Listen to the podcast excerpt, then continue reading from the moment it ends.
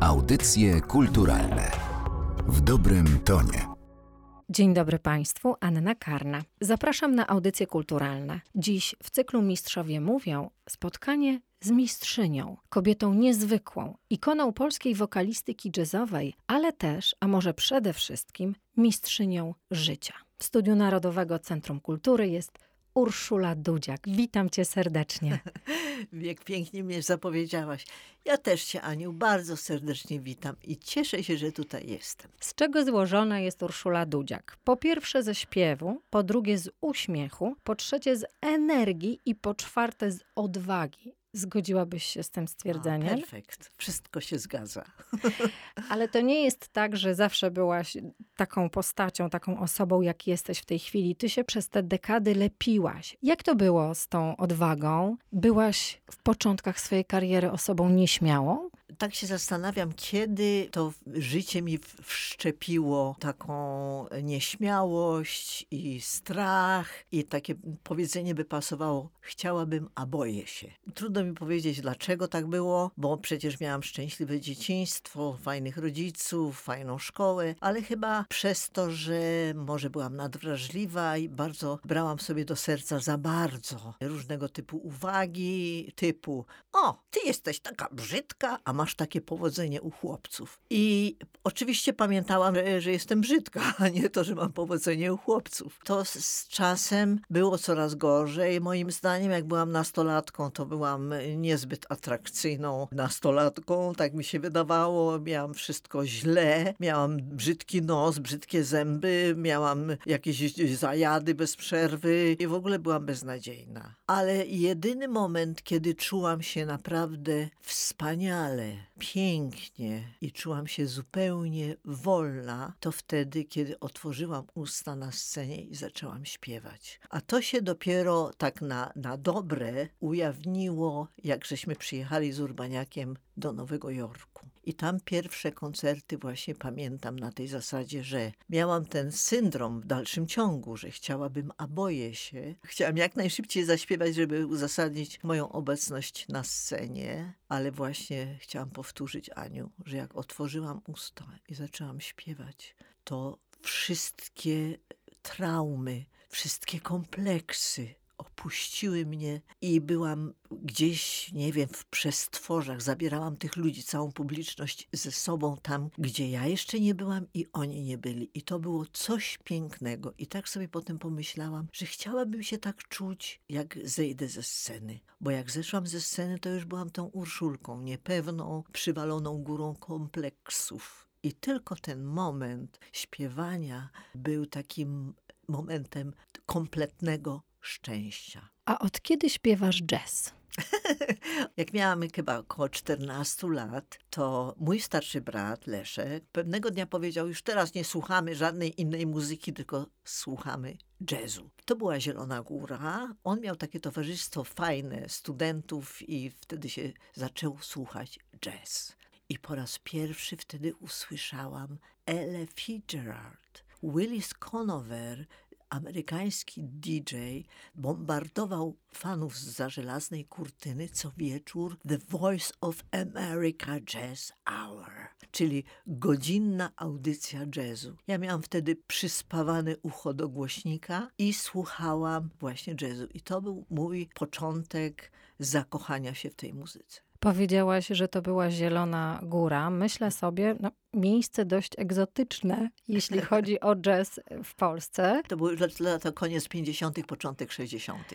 Jak wtedy wyglądał ten polski jazz w tamtych latach? Mój brat grał najpierw na kontrabasie i tego nigdy nie zapomnę, jak się kłócił z ojcem, że na kontrabas y, nie ma w ogóle nut, że się tylko wystukuje tymi strunami rytm. Potem przerzucił się na bębny i grał na bębnach.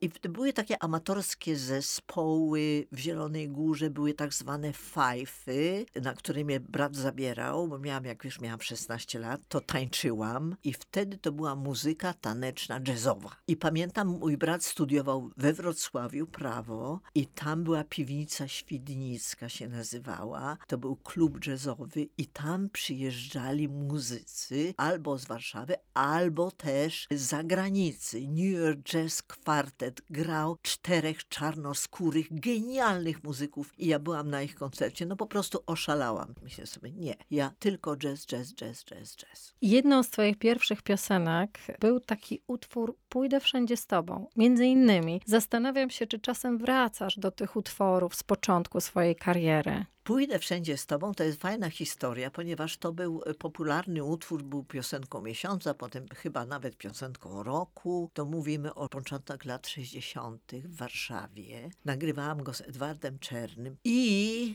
minęło raz 67, 92, 60 dekad, 6 dekad, 60 lat. Matko święta, 60 lat mija. Podchodzi do mnie córka, Mika, mówi, mamuś, ja bym chciała nagrać jakąś twoją piosenkę. I żeśmy zaczęły szperać w moich starych piosenkach. Pamiętam, że nagrałam taką piosenkę o Warszawie. To te to, to te to, du, te, na. Gdy będziesz w Warszawie, do no, na no, para. Jak Mika usłyszała tę piosenkę, to się rozpłakała. Mówi, mamuś, ty tak pięknie kiedyś śpiewałaś. Co się stało? Ale wracając do pójdę wszędzie z tobą, mówi, to jest piosenka dla mnie. To ja ją nagram. No i oczywiście Mika się zabrała za tę piosenkę i potem mówi, a mamuś, a może byś ze mną zaśpiewała tę piosenkę. No i tak powstała druga wersja piosenki Pójdę wszędzie z tobą. Wspomniałaś o tym, że grałaś z orkiestrą Edwarda Czarnego. Już w 58 roku, właśnie jak nagrywałaś z Czarnem, dostałaś propozycję, aby grać z Krzysztofem Komedą. Powiedzmy, że twój brat był muzykiem jego zespołu. Wyobrażam sobie, że ta propozycja wywołała u ciebie drżenie kolan.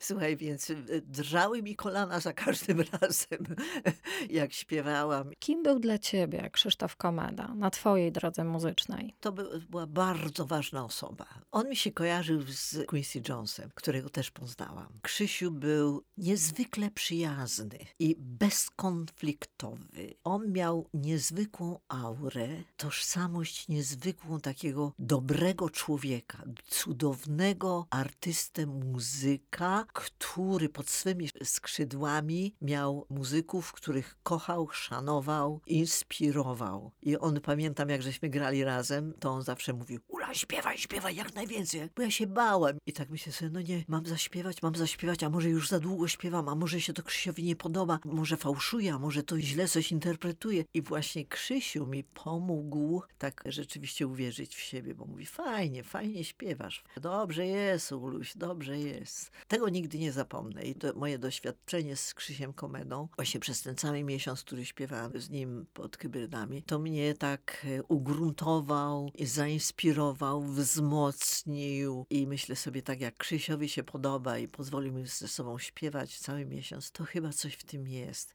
Chyba nie jestem taka beznadziejna. Chyba coś tam reprezentuje. To była nobilitacja zaśpiewać albo zagrać w zespole komedy. Bo wiadomo, że komeda miał taką opinię człowieka naprawdę wybitnego, geniusza, który cudowne kompozycje pisał. No, był naszym guru i to był wielki zaszczyt w ogóle być blisko niego, a jeszcze grać albo śpiewać, to już w ogóle trzymało się Pana Boga za nogi. To jest ważny rok w Twoim życiu z powodu kilku rocznic, o których będziemy Państwu po kolei opowiadać. Zacznijmy może od roku 63, kiedy to Agnieszka Osiecka i Jan Ptaszyn-Wróblewski napisali dla Ciebie piosenkę Ulice Wielkich Miast. Z tym właśnie utworem wystąpiłaś, uwaga, na pierwszym krajowym festiwalu piosenki polskiej w Opolu. Mija dokładnie 60 lat. Pamiętasz ten występ?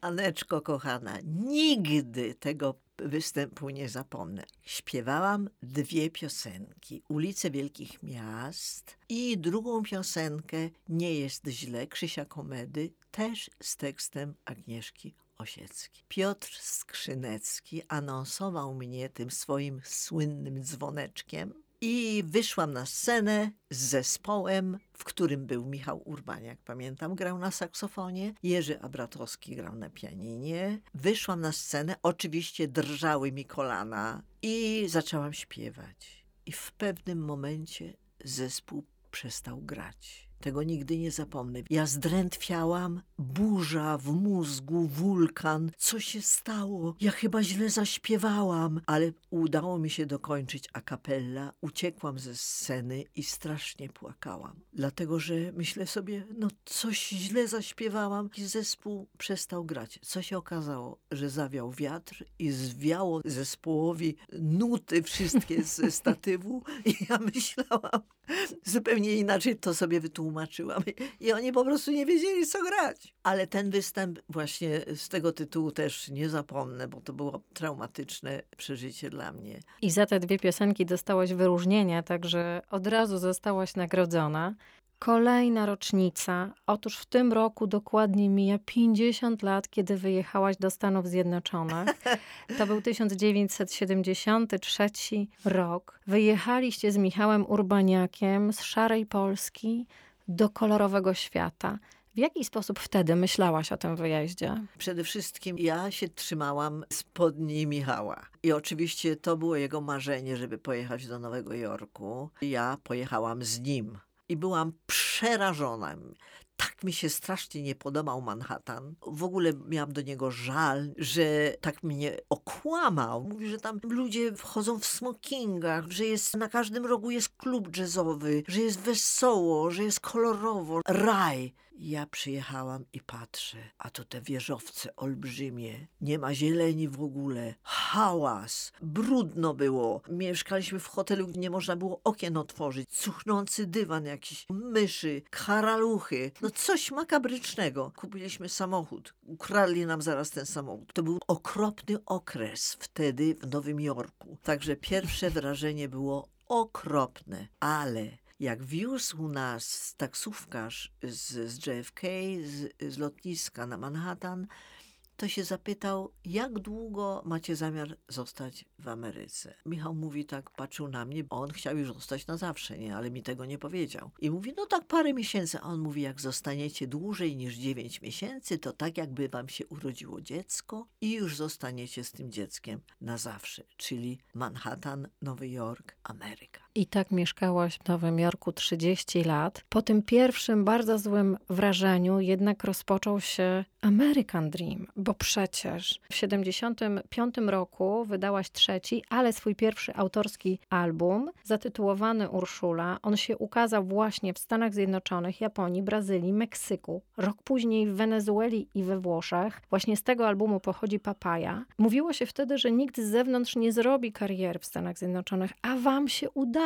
To trwało parę miesięcy, ale w końcu okazało się, że najpierw Kolumbia wydała płytę, którą nagrałam z Adamem Makowiczem w duecie i potem za chyba dwa miesiące, trzy, wyszła nasza zespołowa płyta. To był niesamowity sukces. To fakt, że amerykańska wytwórnia płytowa zakochała się w muzyce naszej, że postanowili nas podpisać i nas promować. Rzeczywiście to był jakiś y, cud, ale ja wierzę w cuda, Aniu, naprawdę. Mnie spotykają cuda na każdym kroku, bo ja myślę, że powodem tego jest to, jaka ja jestem. Że ja jestem ufna, mam dobrą energię, mam wiarę, jestem bardzo pogodną, osobą bardzo pogodną. Płyta z Adamem Makowiczem, o której wspomniałaś, to oczywiście Newborn Light. I to jest bardzo ważna płyta, bo właśnie wtedy po raz pierwszy użyłaś przy nagrywaniu techniki skatu. Zrezygnowałaś ze słowa i pokazałaś swoją absolutnie unikalną w skali świata technikę śpiewania. To prawda, zresztą ja jestem w wielu encyklopediach muzycznych i jestem nazwana osobą, wokalistką, która pierwsza na świecie zaczęła używać, to były lata 70., elektroniki, czyli przetwarzacz głosu. Myśmy z Adasiem, bo to był bardzo ciekawy przypadek, bo zespół Michała Urbaniaka, cały zespół, mówimy o Europie, początek lat 70., podróże po całej Europie, po klubach, festiwalach. I myśmy zawsze z Adasiem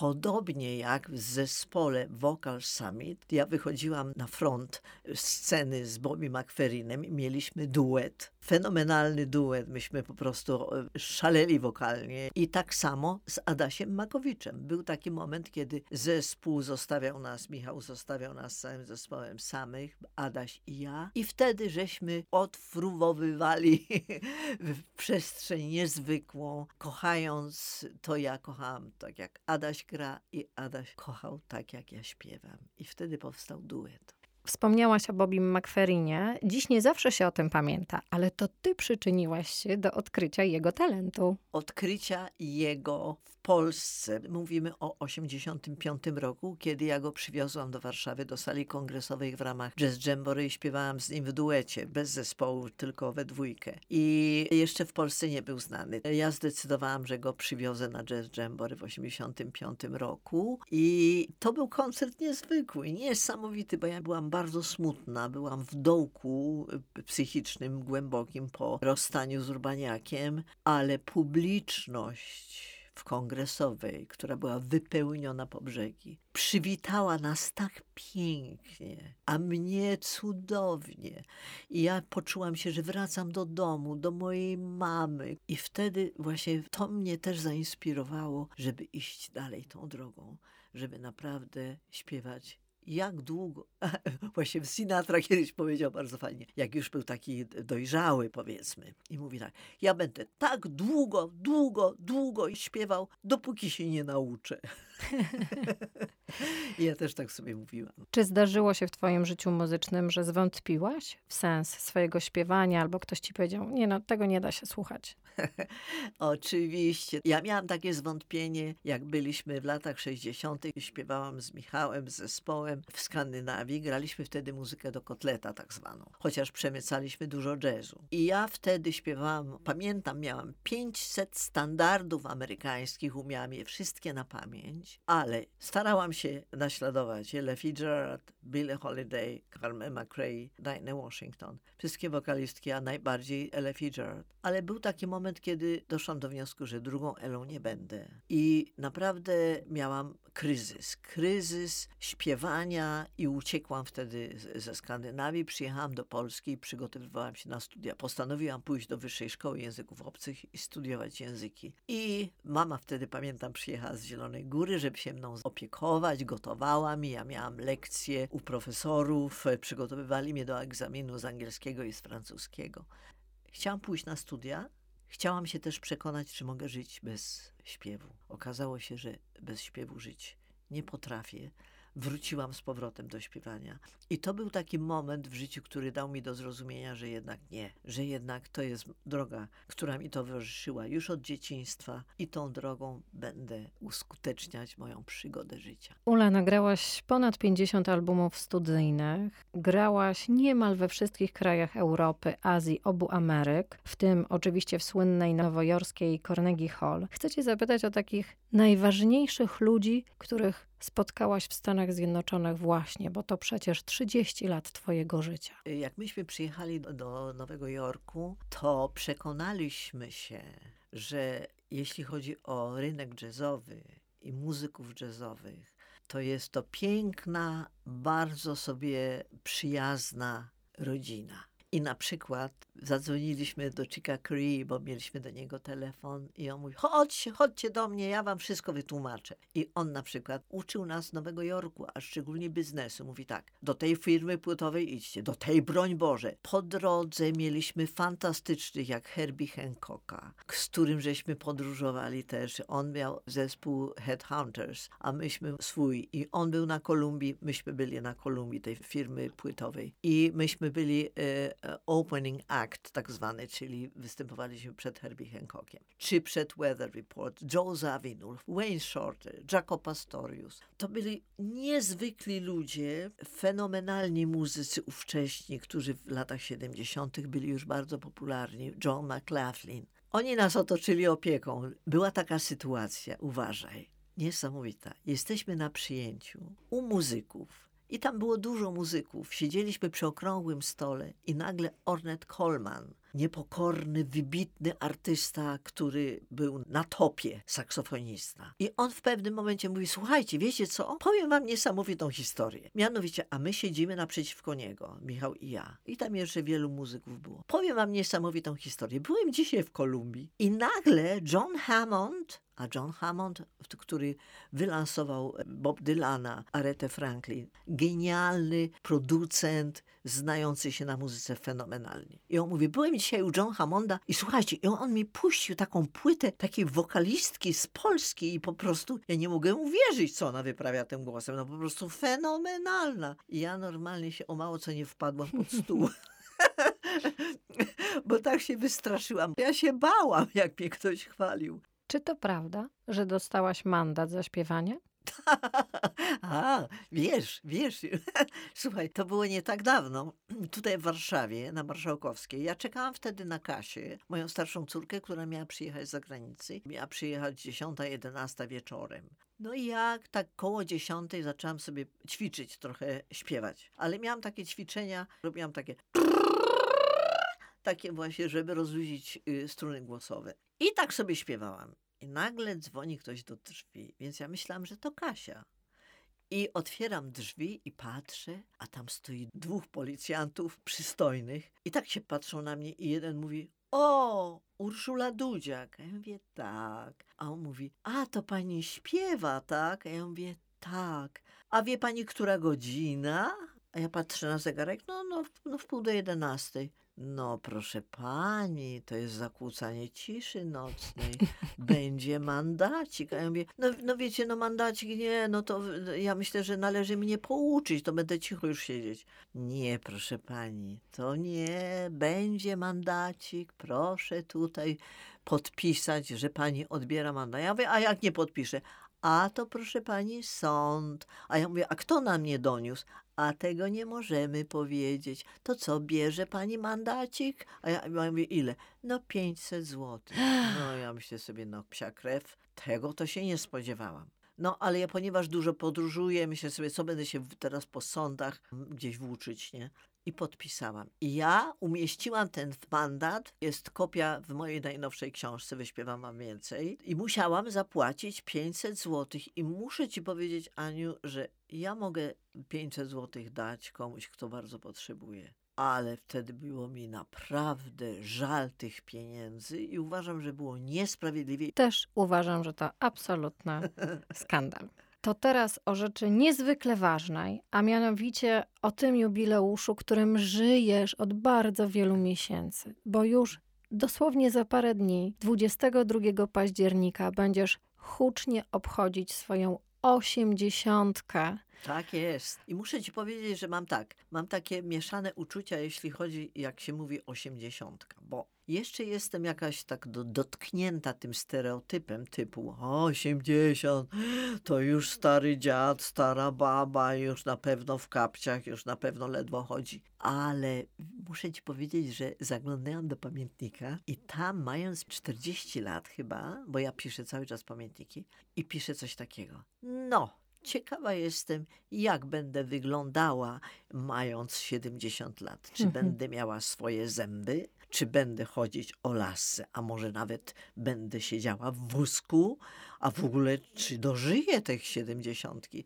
Takie miałam po prostu impresje, jeśli chodzi o siedemdziesiątce, nie mówiąc już o osiemdziesiątce. Niektórzy twierdzą, że jestem jakimś, nie wiem, cyborgiem, jakąś kosmitką, bo, bo rzeczywiście ja się czuję fenomenalnie. W ogóle zdrowie mi dopisuje, nic mnie nie boli. Mam niesamowitą energię. Wybudowałam niedawno z moim kochanym Bogusiem dom na Podlasiu. Wiek to tylko liczba i ja absolutnie nie daję się steroryzować jakiemukolwiek stereotypowi. Stara, nie wypada, a już cicho siedź, albo już trzeba się zwijać. W ogóle absolutnie mnie to nie dotyczy i ja myślę, że to jest tylko kwestia decyzji i sposobu myślenia i pilnowania swoich myśli. To teraz powiedz, co będzie się działo 22 października. Ja ci powiem tak, więc ja nie mogę za dużo mówić, dlatego że to będzie cały dzień ze mną. Będzie tam dużo rzeczy się działo, a wieczorem będzie koncert z moim najlepszym zespołem, kochanym Superband. Będzie też projekcja filmu Ula, który zrobiła fantastyczny film Agnieszka Iwańska. To będzie wyświetlane w kinie obok, bo to jest taki kompleks Moxo to jest klub, w którym ja będę występowała na antresoli, tam będą moje, moi goście. No i tam będą ciekawe rzeczy się działy, ale to niespodzianka. Ja zapraszam. Koniecznie zapraszam na wieczór na koncert i żeby oglądać film. 22 października już za chwilę. Wśród tych albumów na pewno są takie, o których byś powiedziała, te kocham najbardziej, ze względu na czas tworzenia albo ze względu na ludzi. Które to by Wiesz było? co, ja ci powiem tak.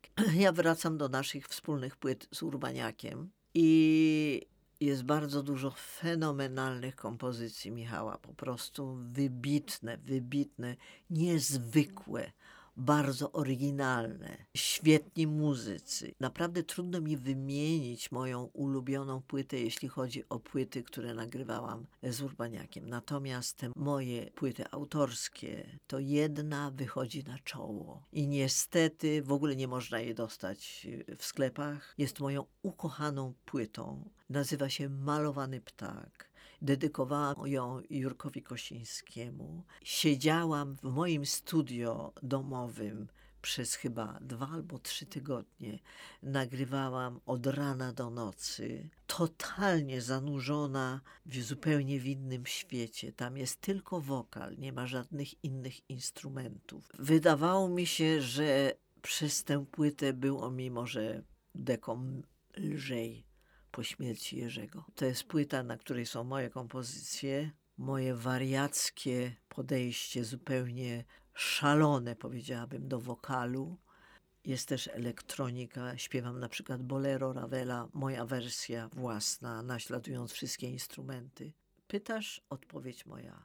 Malowany ptak. Nie mogę też nie zapytać o papaję, którą po raz pierwszy usłyszeliśmy na albumie właśnie Urszula z 76 roku, ale która żyje przez kolejne dekady. Kolejni artyści ją interpretują. Dziś właściwie można powiedzieć, że niemal w każdym kraju jest śpiewana, naprawdę nawet w najdalszych zakątkach świata. Zaśpiewasz, rozumiem, ją także na swoje urodziny. Ale słuchaj, ja śpiewam ją za każdym razem, jak gram koncert. Kocham Bobby McFerrina, ale przyłapałam go na tym, że kiedyś na koncercie ktoś zawołał Don't worry, be happy, bo chciałam, żeby on zaśpiewał tak jak ja, papaję, nie? To on się obruszył i w ogóle powiedział, że nie, absolutnie tego nie śpiewa. I w ogóle tego nigdy nie śpiewa. On ma inne podejście. On uważa, że on robi o wiele bardziej ambitne rzeczy, które powinny być zauważane i doceniane, niż to Don't Worry, Be Happy, to taka piosenka wesoła i tak dalej. I ktoś może powiedzieć, że to samo z papają jest, nie? Ale ja uważam, że w tym utworze, jestem pewna, jest zakodowana niesamowita, optymistyczna, jasna, dobra, życzliwa energia. I dlatego ludzie tak ten utwór lubią. I za każdym razem ja śpiewam go inaczej i jestem do niego przywiązana. To jest moje dziecko, znaczy nie, to jest nasze wspólne dziecko, bo to jest nasza wspólna kompozycja Michała i moja. Także ja za każdym razem śpiewam, jak widzę, jak ludzie podrygują i, i się uśmiechają i się cieszą to jest dla mnie wielka radość. A zaśpiewasz fragmencik dla nas?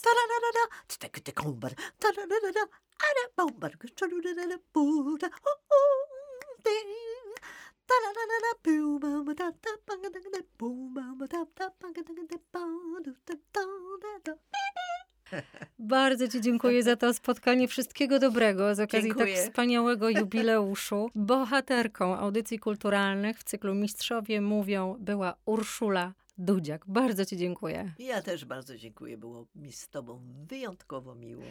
Mnie również. Dziękuję. Audycje kulturalne w dobrym tonie.